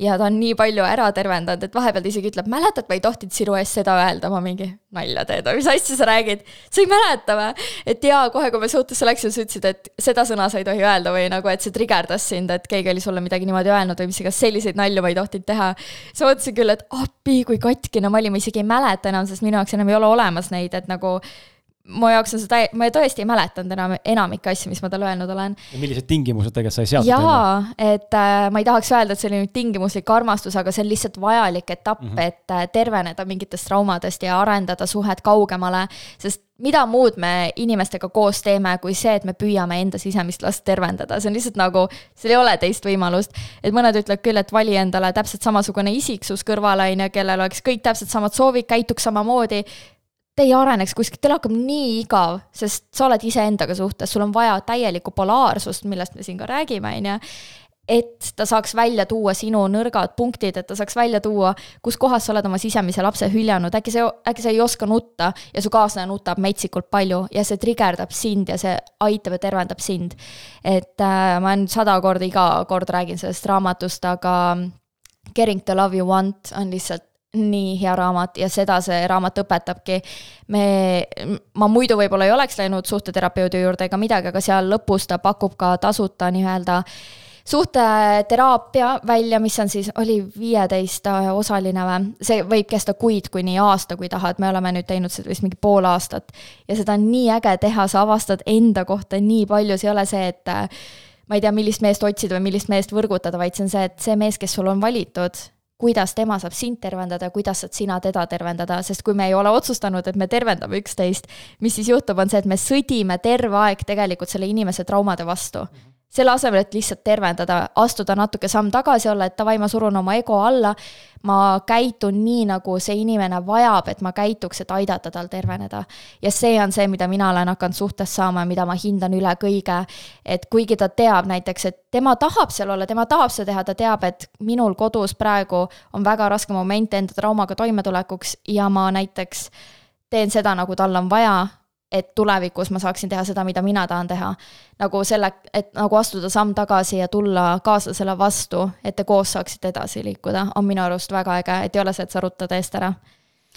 täiendan sul sinu näidet nagu selle poole pealt ka just, et ei ole ainult see, et kui võib-olla kuulaja, ma jälle oletan, ma ei tea, aga kindlasti on inimesi, kes võib-olla kuulavad, mõtlevad, et issand jumal, ma pean siis nagu ennast maha suruma ja partneri esikohale panema. mingil määral jah, on see, millest Merini rääkis mm, -hmm. aga mhm. teisalt te olete suhtes koos ja ma olen varem seda öelnud ka, et suhe on täiskohaga töökoht. ja mitte nagu, et see on nüüd töö, eh, aga seal tuleb teha teatud panus, et see mm -hmm. töötaks mõlemapoolselt, et üksinda vedada ei ole see võimalik mitte ühtegi asja elus lõpuni välja, mingi hetk saab see ambitsioon ja, ja nii-öelda tuhk saab otsa. aga kui sa mõtled selle peale, et sa aitad oma partnerit täna näiteks sellega, et no ma ei tea, lihtsalt ongi lihtsalt näited, et tal on paha tuju, sa ei valmis teda kuulama näiteks, äh, võib-olla enda mõne asja ära jätma, sellepärast, et talle olemas olla, kui ta seda vajab, äh, või, või näiteks teed talle süüa, kui täna teha ei viitsi või noh, mis iganes asjad olla võivad, siis sellega tegelikult, et sa aitad oma partneril tulla nüüd tänases selles hetke emotsioonis või tundes olukorras paremini toime, sa omakorda ju aitad tegelikult ka meie omavahelist suhet mm. -hmm, nii et sa ei panusta ainult oma partnerisse, vaid sa panustad teie mõlema mm -hmm. ühisesse projekti, milleks ongi teie suhe. jaa kusjuures mul tuli väga hea piltlik näide siia, et äh, väga paljud vaatavad suhet kui äh, midagi, mis peab olema kerge, tulema väga naturaalselt ja et nagu suhe oleks mingi kireprojekt, et seal te seksite, te armatsete, teete üksteisele kingitusi ja nagu, et lase mul olla ja ole sa ise ka eraldi, on ju aga minu arust, kui sa, see on nagu see suhe, mida on sul evolutsiooniliselt vaja nii palju, et nagu võrgutada mees, saada taha saada laps. saada taha, oluline saada laps ja jätkata nagu geneetilis-, geneetika edasiandmist, on ju. et see on nagu see, mida võib-olla oleks vaja siis, kui sa mõtled, et suhe on kirglik projekt, on ju. aga kui sa oled tänapäeva maailmas ja sa vaatad nagu seda monogaamia poole pealt, et sa otsid endale kindlat partnerit kogu eluks, siis kas sa ei peaks seda vaatama pigem nii, nagu see on suhe sinu ja lapsega, ma nüüd ei ütle, et nagu pilastage oma lapsi. et üldse kõlab valesti juba et ärme mõtle nüüd üldse füüsilise koha pealt, aga just see vaimne side, et sa ei ole ju lapsega, nagu see suhe, mis sul lapsega on, sa ei ole ju nii, et kuule, mina tahan oma aega, ma tahan magada, mind ei huvita, kui palju sa nutad seal hällis, ma ei tule su juurde, sest mina tahan magada, see olen mina, sa ei muuda mind, sa ei ole lapsega niimoodi. on ka sellised tegelikult? või noh, muidugi on, aga see on juba. oh, sellist asja me ei taha näha, on ju. vaid sa võtad oma une arvelt, sa ärkad, sa toidad, sa hoiad, sa kussutad ta magama, sest su lapsel on seda vaja, et nagu äh,, nagu üles kasvada tervelt, et tulevikus olla ka sulle toeks mm. -hmm. ja see on täpselt see, mis peaks olema ka paari suhtes, et sa võtad seda kui nagu elupikka investeeringut, on ju. et äh, see ei olegi kerge ja sa peadki tegema tagasisamme, mängima lapsega siis, kui tal on väga seda vaja, isegi kui sa ei viitsi, sul on vaja tööd teha, siis seadma selle suhte oma lapsega korra esikohale, õpetama teda äh, olema seal, kui ta nutab, isegi kui sinu jaoks on see tühine, sa ei ütle, et ah oh,, see on nii tühine asi, mida sa nutad, vaid sa siis nutad temaga koos, ütled, ma saan aru, et sa kukkusid pea peale, see on väga valus ja see on, on okei okay,, kui sa nutad, mitte et. ära ulu raisk. ja nii paljud, kusjuures ülipaljud vanemad on, et mida, et ei juhtunud midagi, ütlevad lapsele ja ma ei suuda seda välja kannatada, kui keegi näiteks mänguväljakul, ma kõnnin mööda, mänguväljakul laps kukub, hakkab nutma. väga paljud vanemad, vanemad tahavad jätta lapsele mulje, et aa ei, sa ei kukkunud, et ta ei nutaks, vaata. Aa ei juhtunud midagi, kõik ja, on korras ei, sa ei kukkunud jaa, ja nad teevad seda ja nad ei pane tähele, mida nad tulevikus lapsele tegelikult põhjustavad, kus laps ei suuda aru saada oma emotsioonidest. tema ju nutab, temal on valus, oota, ema ütleb, et ma ei kukkunud, kas ma kujutan seda valu endale ette, ma surun selle valu mhm. alla. ja nagu nii väiksed asjad tekitavad lastes traumat ja me ei taha ju seda oma partneris tekitada et äh, seepärast ma mõtlengi, et äh, suhte algus, eriti okei okay,, esimesed kaks aastat võib-olla on see kireperiood on ju, lõõmaperiood, et siis noh, seksiga tervis et siis nagu seksiga terviseks ja kõik võib-olla ongi ilus, kerge tulema ja mis iganes, aga pärast seda, kui te olete sellest perioodist üle saanud, siis ongi see kõige olulisem moment, kas te nüüd õpite koos ja arenete koos või te jätate selle suhte nagu pealiskaudseks ja te leiate teise samasuguse väga kergelt, on ju, et te ei pea üldse sügavuti minema selle suhtega. Ja see on see koht, kus nagu tulebki raskuseid ja kui keegi ütleb, et kuule, suhe peaks olema raske, et jäta see tüüp maha ärge kuulake teda, mida raskem ta on, seda rohkem ta kasvatab, mida raskem ta on, nagu ma ei ütle seda, et nagu mida rohkem sind pekstakse ja mida rohkem sa püüad nagu selle mehe seda käe alt ära saada, on ju. vaid just see, kui te näete, et need tülid, mis on, on nagu põhjusega, sealt saab ta-, kasvada ja tõusta, nad ei ole niisama näägutamised, karjumised ja mingi võimuheitlus, vaid seal on päriselt mingi põhjus taga, katalüsaator, ja te saate areneda, siis see on õige suhe teie jaoks, see on teie kasvusuhe. Ja see on lihtsalt nii oluline ära tunda, kas see inimene aitab teil kasvada või mitte.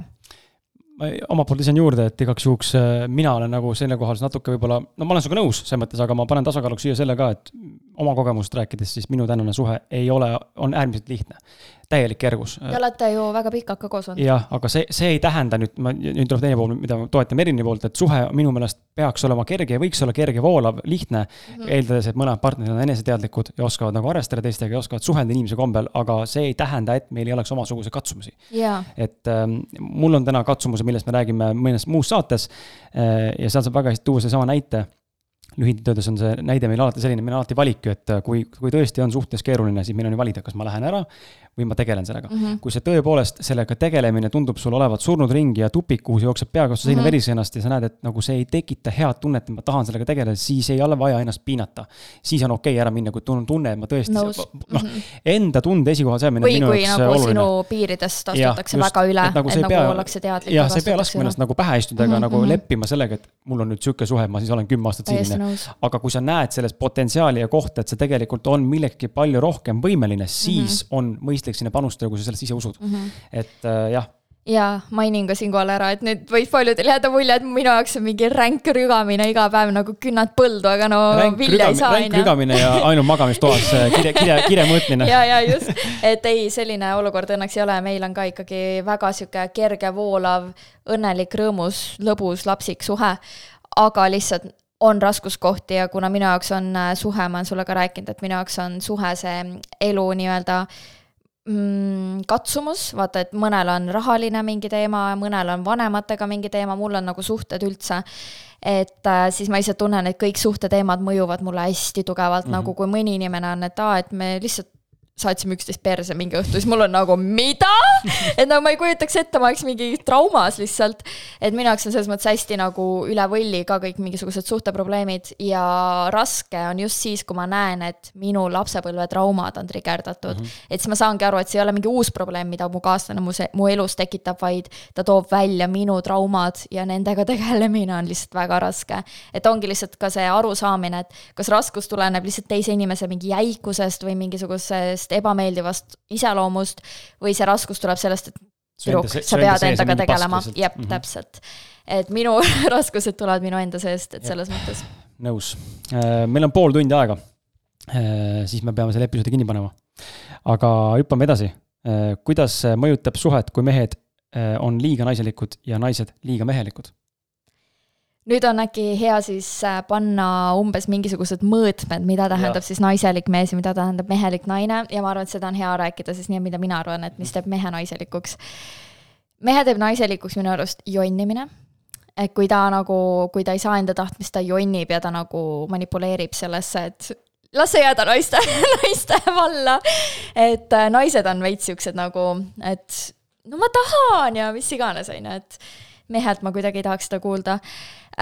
Mis ei tähenda, et mees ei võiks enda tahtmist saada, kui see on põhjendatud, aga lihtsalt nagu sihuke lapsik jonnimine äh,. siis äh, sorry, Kris, nüüd ma tean, et sa kohe hakkad kaitsma positsiooni, aga no, kui mees mängib väga palju arvutimänge või Playstationit või midagi, et äh, eriti kui tal on midagi olulisemat teha, et kui see on nagu tema ajaveetmisviis ja see paneb ta silmad põlema siis lasku käia, aga ma ei tea, ma arvan, et mul on lihtsalt nagu mingi trauma, reaalselt mul on trauma sellest, kui äh, mees vaatab liiga palju telekat, seriaale, nagu ta on võlts äh, reaalsuses kinni, mingi virtuaalreaalsuses kinni, siis see häirib mind, et nagu kuule, meil on siin oma elu, elame meie elu, et ma ei taha, et sa elad seda virtuaalelu nii palju et äh, see on minu jaoks, teeb natuke, mitte no,, aga si-, ta ei tee mitte naiselikuks, vaid ta teeb lapsikuks mehe minu jaoks. aga mis siis, kui äh, see tegevus, no näiteks arvutikonsoolid või arvutimängud või mis iganes see on, et kas, mis siis, kui see on see, mis aitab tal head pead tühjaks saada? ja ta saab sealt hoopis motivatsiooni. jaa, ei, kui ta näiteks teeb mingi pooletunnise, kolmveerandtunnise ei saa nii lühikeselt teha, saad aru, sa pead ikka mitu tundi mängima sa ju ise tead ka, kuidas sul elukaaslane samamoodi mängib, ei ole pool ei, ta, ta võib teha väga lühikesi mänge ja tegelikult ta ei mängi üldse, ma olen nagu selles mõttes väga nii-öelda uhke üle, sest ma mäletan, kui meie suhe algas tüüp armastas Playstationit ja siis suht alguses ma ei, ta ütles, et nagu mida, lihtsalt rääkisime nagu meile meeldis väga, et mis sulle ei salli, mis, mida sa ei salli, mis sulle meeldib ja niimoodi. noh, kaardid lauale kohe, onju. siis sa näitasid näpuga, et ma ütlesin, et peaasi, et mees ei mängi Playsi. Ja siis ta, ta oli šokis. ma ei tea, millal ma talle teada annan, et mul on kodus Playstation, onju. kusjuures ma sain mingi poolteist aastat suhtesse alles teada, et ta üldse mängib. et ähm, jah, nagu ma ei ütle, et ta ei tohi, ma kunagi ei saa mehele keelata midagi, see on tema enda valik ja niimoodi. aga lihtsalt mina näiteks eelistan väga palju rohkem seda, kui mees näiteks läheb, tühjendab oma pead trenni tehes või läheb jalutama või kuidagi nagu ma lihtsalt tean, et see on kindlasti seotud sellega, et äh, ma olen kasvanud üles, kus telekas kogu aeg käis, arvutimängud kogu aeg käisid ja mulle ei meeldi see, ma, ma vaata ei kuula meediat, ei vaata uudiseid, ei vaata telekat, mitte midagi vaata, et võib-olla lihtsalt see hoida enda kanalid puhtana ja võib-olla seepärast, ma ei tea, võib-olla ka seepärast, et ma lapsena ise mängisin väga palju ja ma otsisin mängudest mingisugust nagu teist reaalsust, ma tahtsin enda mõtetest jah ära saada, aga ma usun, et võib-olla on vajalik nende mõtetega tegeleda pigem, kui et põgeneda arvutimängu. ma ei tea, aga millegipärast see on mul nagu tugevalt. jaa, ei, ma ei tee absoluutselt maas arvamust, et äh, ma ei pea siin nõustuma lõpuni mm -hmm. välja, aga aga ma saan aru, millele sa vihjad ja, ja aga noh, see ongi neid, neid stsenaariumeid äh, selle mängu näite puhalt on nagu nii erinevaid, eks ole, ongi inimesed, kes ongi nagu klammerdunud sinna ja elu jääb mm -hmm. seisma, on ju, aga siis on mehi, kes on näiteks sinu enda mees või mina, kes mängivadki lihtsalt aga samal ajal kõik muud asjad on ka tegelikult tehtud mm -hmm. ja saavad tehtud. pluss, et ei oleks seda, et ma täna pole mänginud, ma pean ei, mängima, et mingi kell kaksteist öösel hakkab mängima kella viieni hommikul, on ju. no vahel juhtub näiteks... ka seda. aga, aga, aga, aga ka see, et näiteks, et aa ei, ma pidin täna sõpradega Place'i mängima, et ma ei tule näiteks ei, su ema sünnipäevale või mida iganes, vaata. ja, ja aga naiselikuks muidu, mis teeb veel mehe, on äh, kindlasti on seal näiteks, kui mees kannab meiki või ta hoolitseb enda eest liiga palju või kui tal on näiteks see, et aa, mu särk on kortsus, ma kohe kindlasti nüüd ei julge seda selga panna või nagu näiteks mul on isegi savi, kui mul on riided kortsus, ma, ma kusjuures ütlen ausalt, et ma olen olnud äh, kunagi suhtes, kus ma tundsin, et mees hoolitseb enda eest rohkem kui mina ja vot seda tunnet ma arvan, et mitte üks naine ei taha ka tunda, kus mees näiteks ütleb, et kuule, et kas sa nagu ei taha meikida ennast tänaseks? või nagu mingi, et mm -hmm. kas sa ei taha panna ennast kuidagi ilusamalt riidesse või et ütleb sulle, et näiteks sul on mingi okei okay,, tore, kui mees ütleb, et mul on mingi pluus must või midagi, aga nagu kui ta ütleb näiteks, et nagu see tundub nagu mingi plekk või nagu ma ei oska öelda, kui see on nagu mhm. liiga palju, et kui mul on jah, mingisugune, ma ei tea, peedilärakas kuskil rinna peal, siis jah, on ju. aga või näiteks, kui ka mees ütleb, et sul on soeng sassis või mida iganes, mu jaoks on nagu seksikas, kui mees ei pane siukseid asju tähele. ja nagu jumal tänatud, et mul on mees, kes ei pane üldse midagi tähele, ta ei pane enda peal ka. kus ma olen? ei, nagu selles suhtes, et see on isegi natuke nunnu või naljakas, et ma olen mingi mis asi sul pükste peal on. ja siis ta võtab lihtsalt märja käega nagu lühib maha, et aa, puhtad jälle, vaata. mulle meeldib see pohhuiss, mulle meeldib, et ma tunnen, et tema ongi nagu selles mõttes nagu sihuke neandertaallane okei okay,, see kõlas väga halvasti. ülekantud tähenduses. jah, ja mina olen siis nagu see tibi-tibi-tipp, on ju. et äh, ta ei pane kunagi tähele, kui mul on midagi valesti või tegemata või mis iganes, ta nagu ei märka. see oligi kusjuures väga, see oli üks trauma tervendamise koht ka. ma rääkisin, vaata, mul oli kunagi väga jube akne, nagu nii jube, et ma reaalselt magasin meigiga kaaslase kõrval, et ta nagu ei näeks seda. ärgates ma ruttu läksin, võtsin maha, panin uue meigi peale, nagu et ta ei näeks mind jumala eest meigita, ma kandsin meiki isegi trennis olles ja kui ma avastasin, ükskord oli see, et ta pani öösel tule põlema. Ja ta nägi mind ilma meigita. Ja ma nii mäletan, kuidas ma olin lihtsalt nagu varjasin, et appi, ma ju võtsin meigi maha, et nagu ma ei arvestanud, et me võib-olla midagi tegema hakkame. No nii. Nii äh,, nüüd äh, järgneb tunniajane paus, ma selgitan piinlikkuse hetk. Ja siis ähm, tund aega hiljem kui ma, okei, okei, anyway äh,. ja kui ta kui ma olin nagu, et näe, nüüd sa näed, kui rõve ma olen, siis ta oli mingi, oota, millest sa räägid? ta nagu ei saanud üldse mhm. aru, millest ma üldse räägin, siis ma mingi, no vaata siis, ma sain nagu vihaseks, et näe, tahtsin mind näha ilma meigita, vaata siis mind. siis ta mingi, oota, millest sa räägid nagu, sa oled väga ilus või mis toimub, miks sa nagu nii närvi lähed? mina elasin juba seda traumat üle, et ta ütleb, et.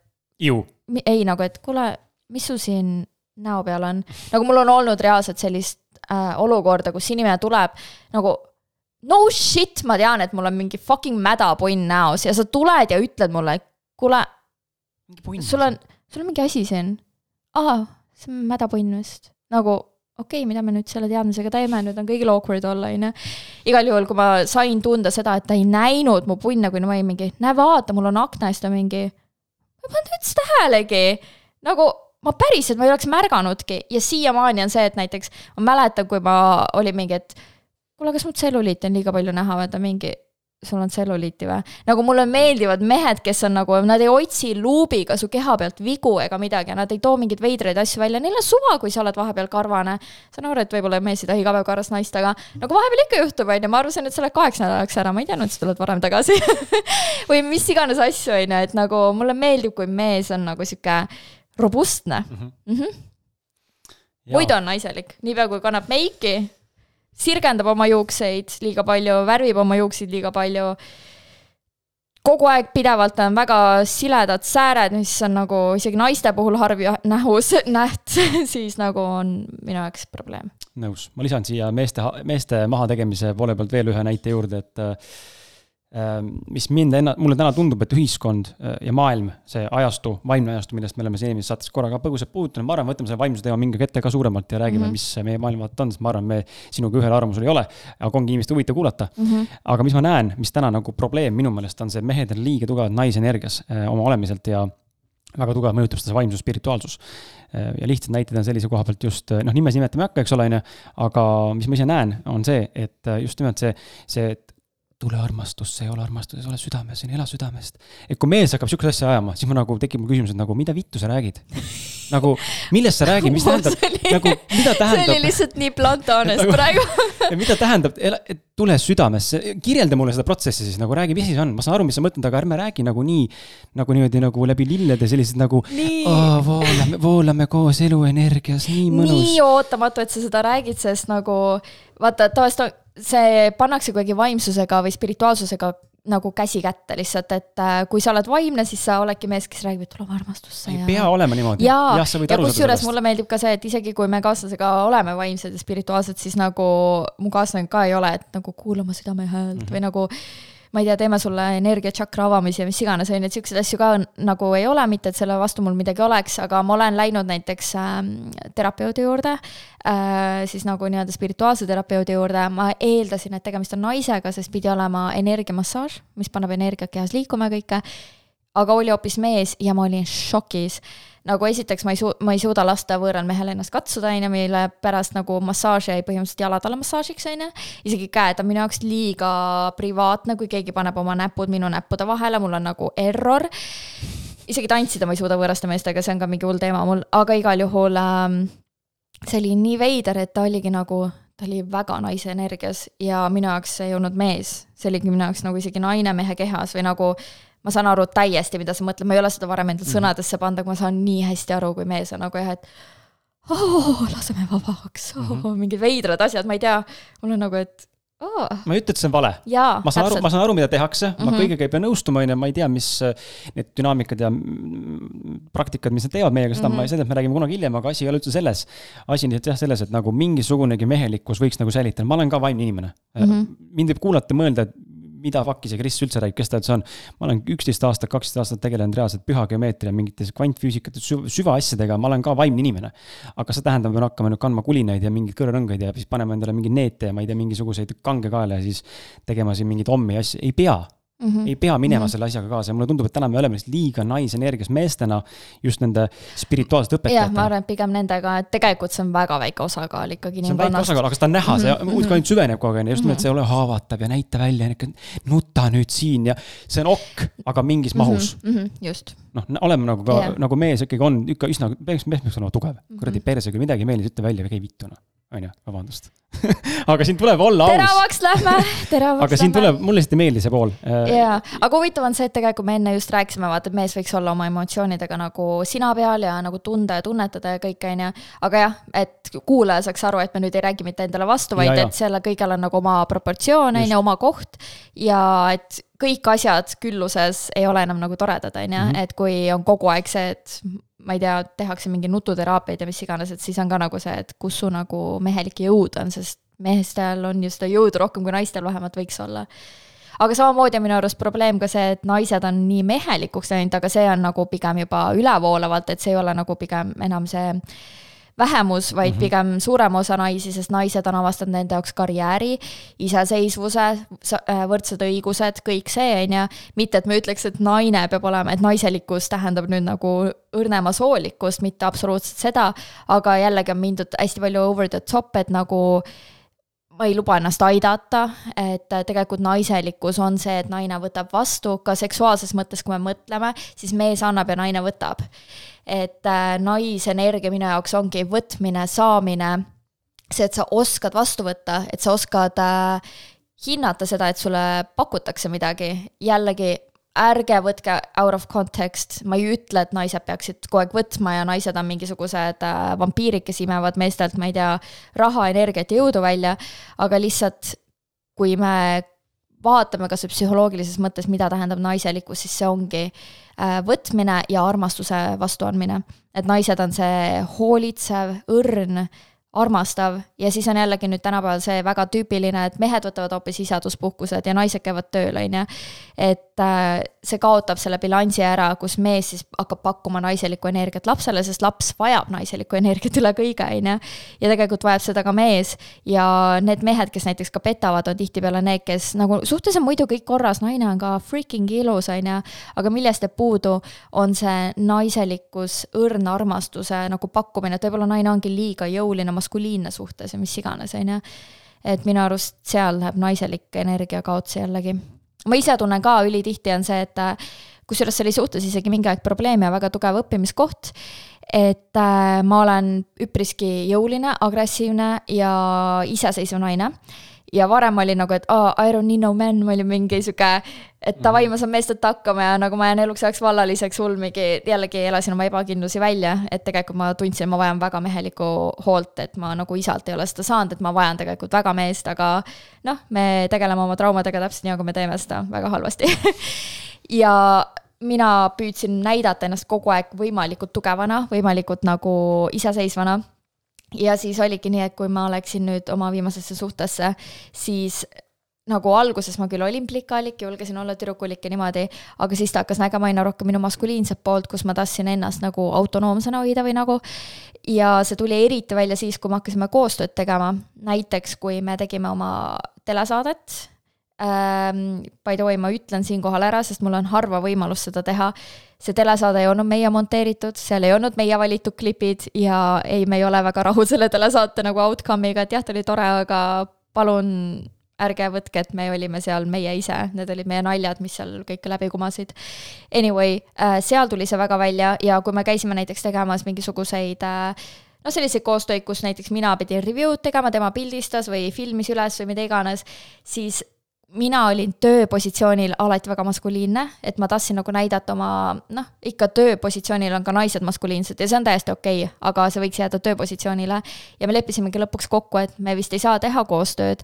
näiteks ka see põhjus, miks nagu podcast'is ei tulnud mul kõne allagi, et nagu me oleksime kaaslasega koos, sest ma olen maskuliinses energias ja ma ei taha suhet rikkuda selle võrra, et ma tahan olla suhtes naiselik ja tema mehelik, sest äh, ma olingi kohe, et tee siit pilti, las see olla nii, ei, mul on vaja, et see oleks nii. või nagu ma muutusin kamandavaks ja mulle ei meeldi olla oma mehega kamandav, sest ma ei taha oma meest õõnestada ka enda silmis ja kui ma olen mehega liiga kamandav, siis see tähendab, et mees on minu jaoks nagu vuss või nagu nii-öelda tallalune, mis iganes.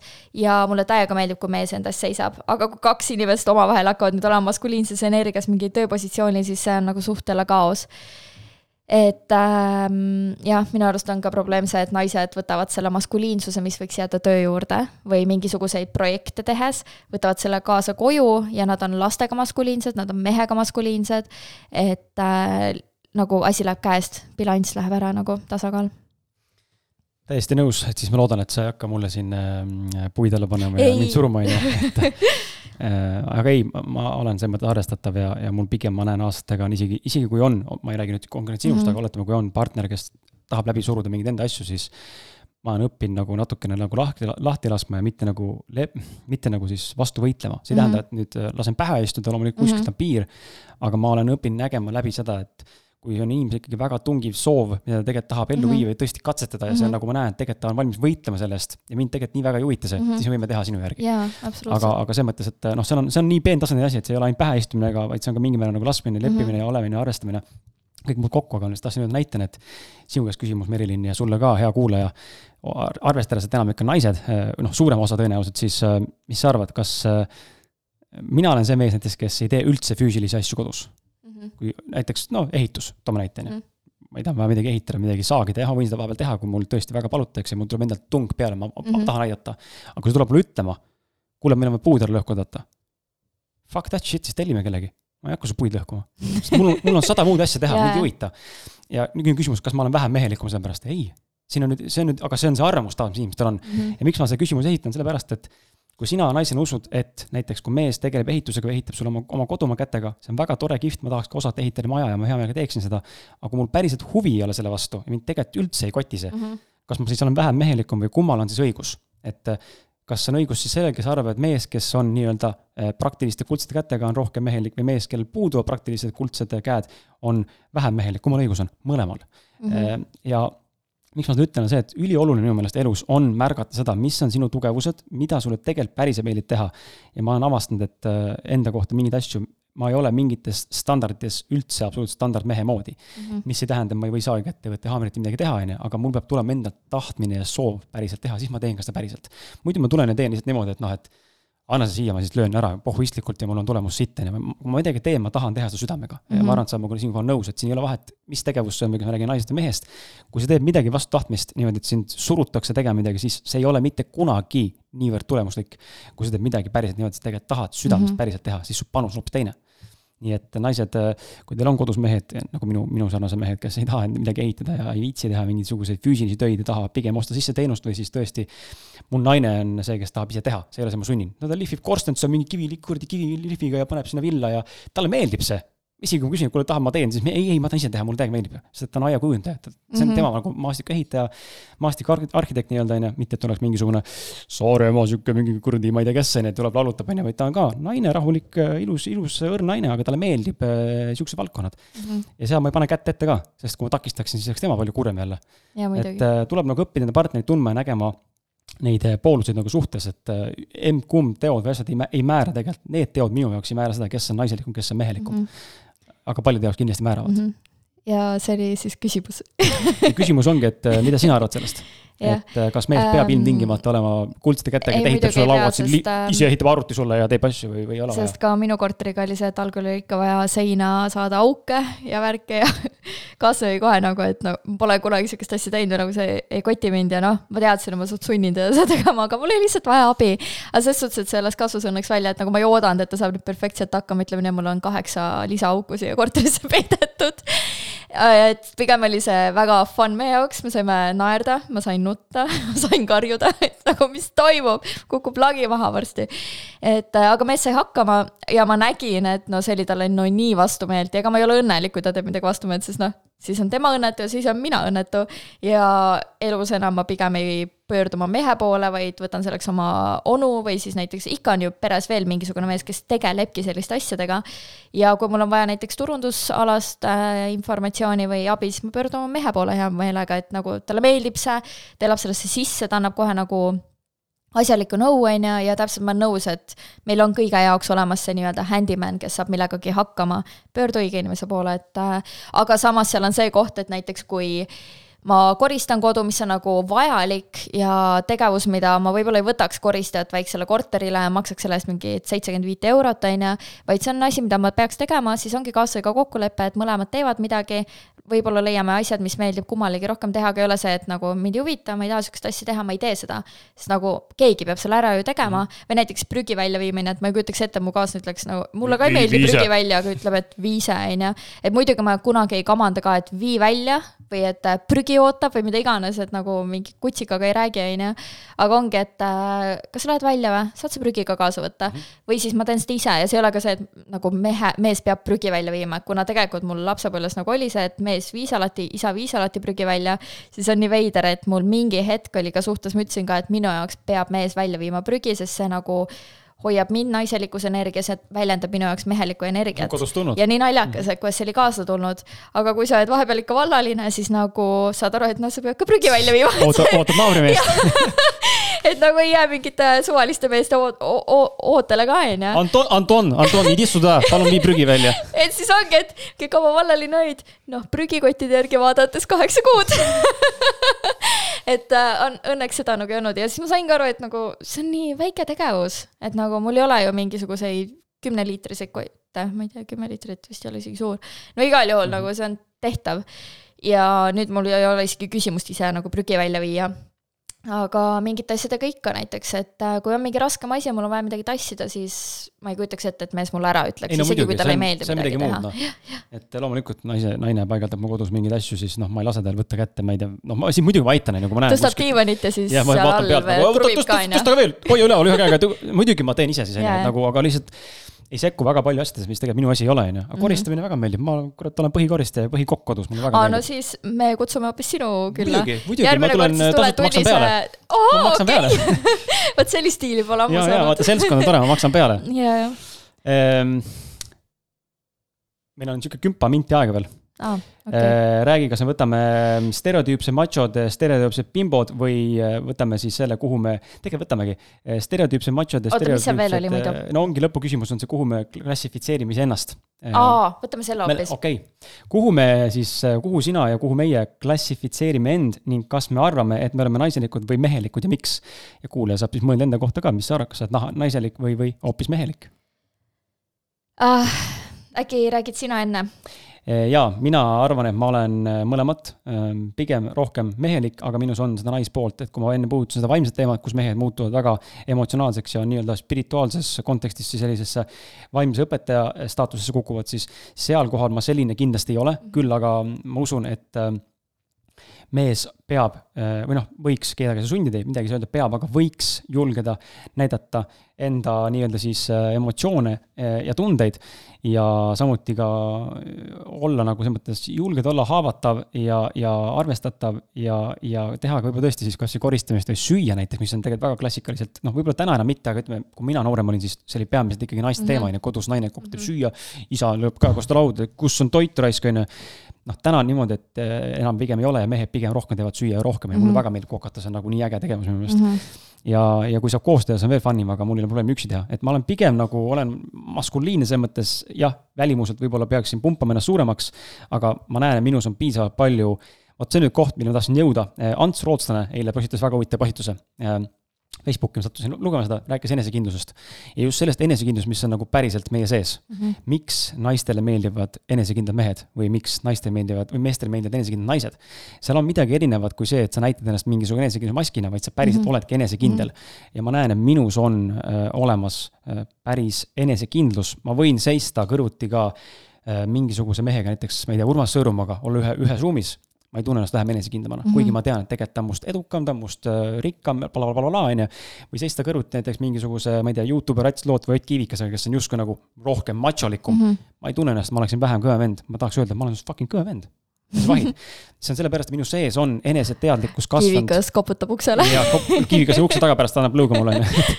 et minus on see eneseteadlikkuse pool sees olemas, mis teeb minust minu ja see on see, mis tekitab minus seda enesekindlust, ma tean, kes ma olen mm. -hmm. ja see on see, mis minu jaoks on äh, mehelikkuse juures hästi oluline, et olla mm -hmm. enesekindel sellisena, kes sa oled. jah mm, -hmm. alati ei ole see õnne, õnnestunud ja võib-olla mingites etappides on kõikumisi, kus sa paned äh, alaväärsused lähevad tööle ja mm -hmm. tekivad hirmud ja kõhklused, aga üldjuhul ma ise ütleks, ma olen pigem mehelik kusjuures, kas pole mitte ilus mõelda, et enesekindel on tegelikult, kust, mis see enesekindlus on? et enesekindel on inimene, kes mõistab, et teda on ainult üks.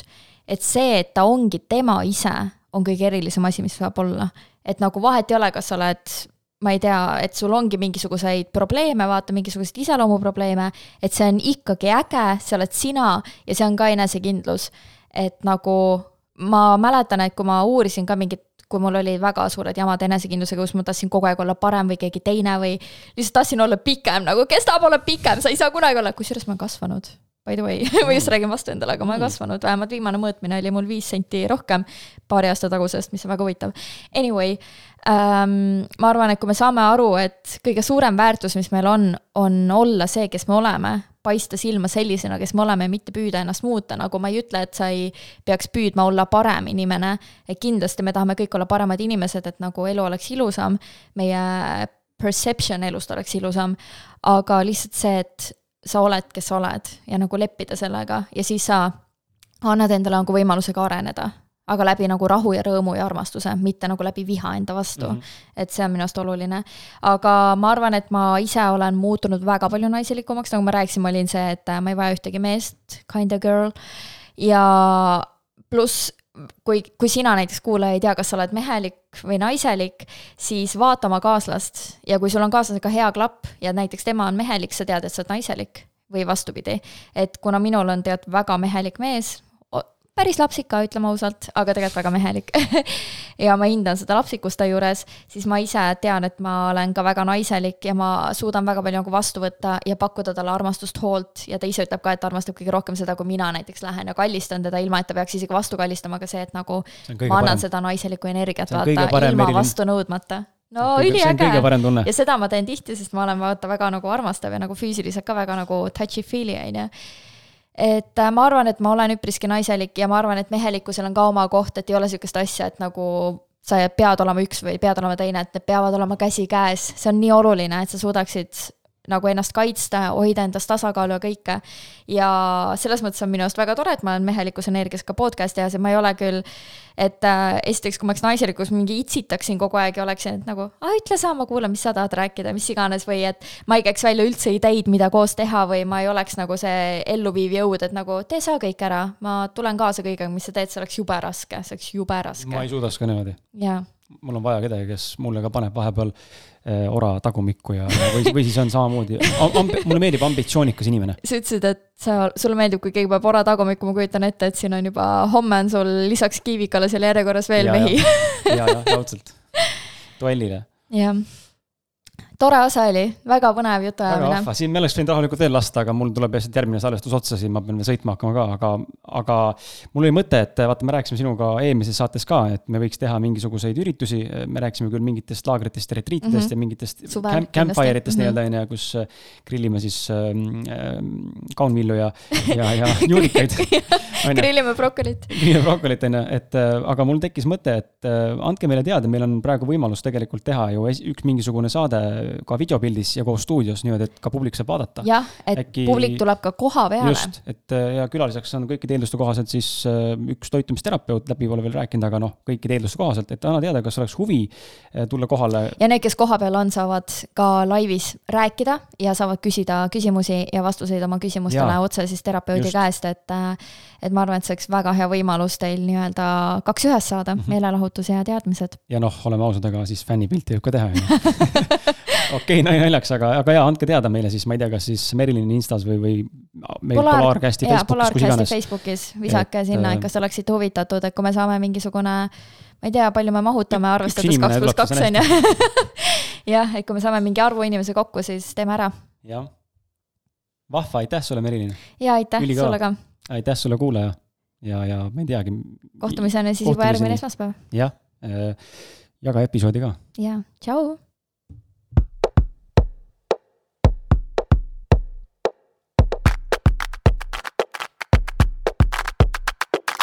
kui sulle meeldib Polarcast, siis näita seda välja ka sotsiaalmeedias. selleks viska meile pöial Facebookis. kuulake ka meie eelmiseid saateid Spotify'st, Apple podcast'ist, Castbox'ist, Breakerist, Google podcast'ist, teistest platvormidest. tšau, pakaa.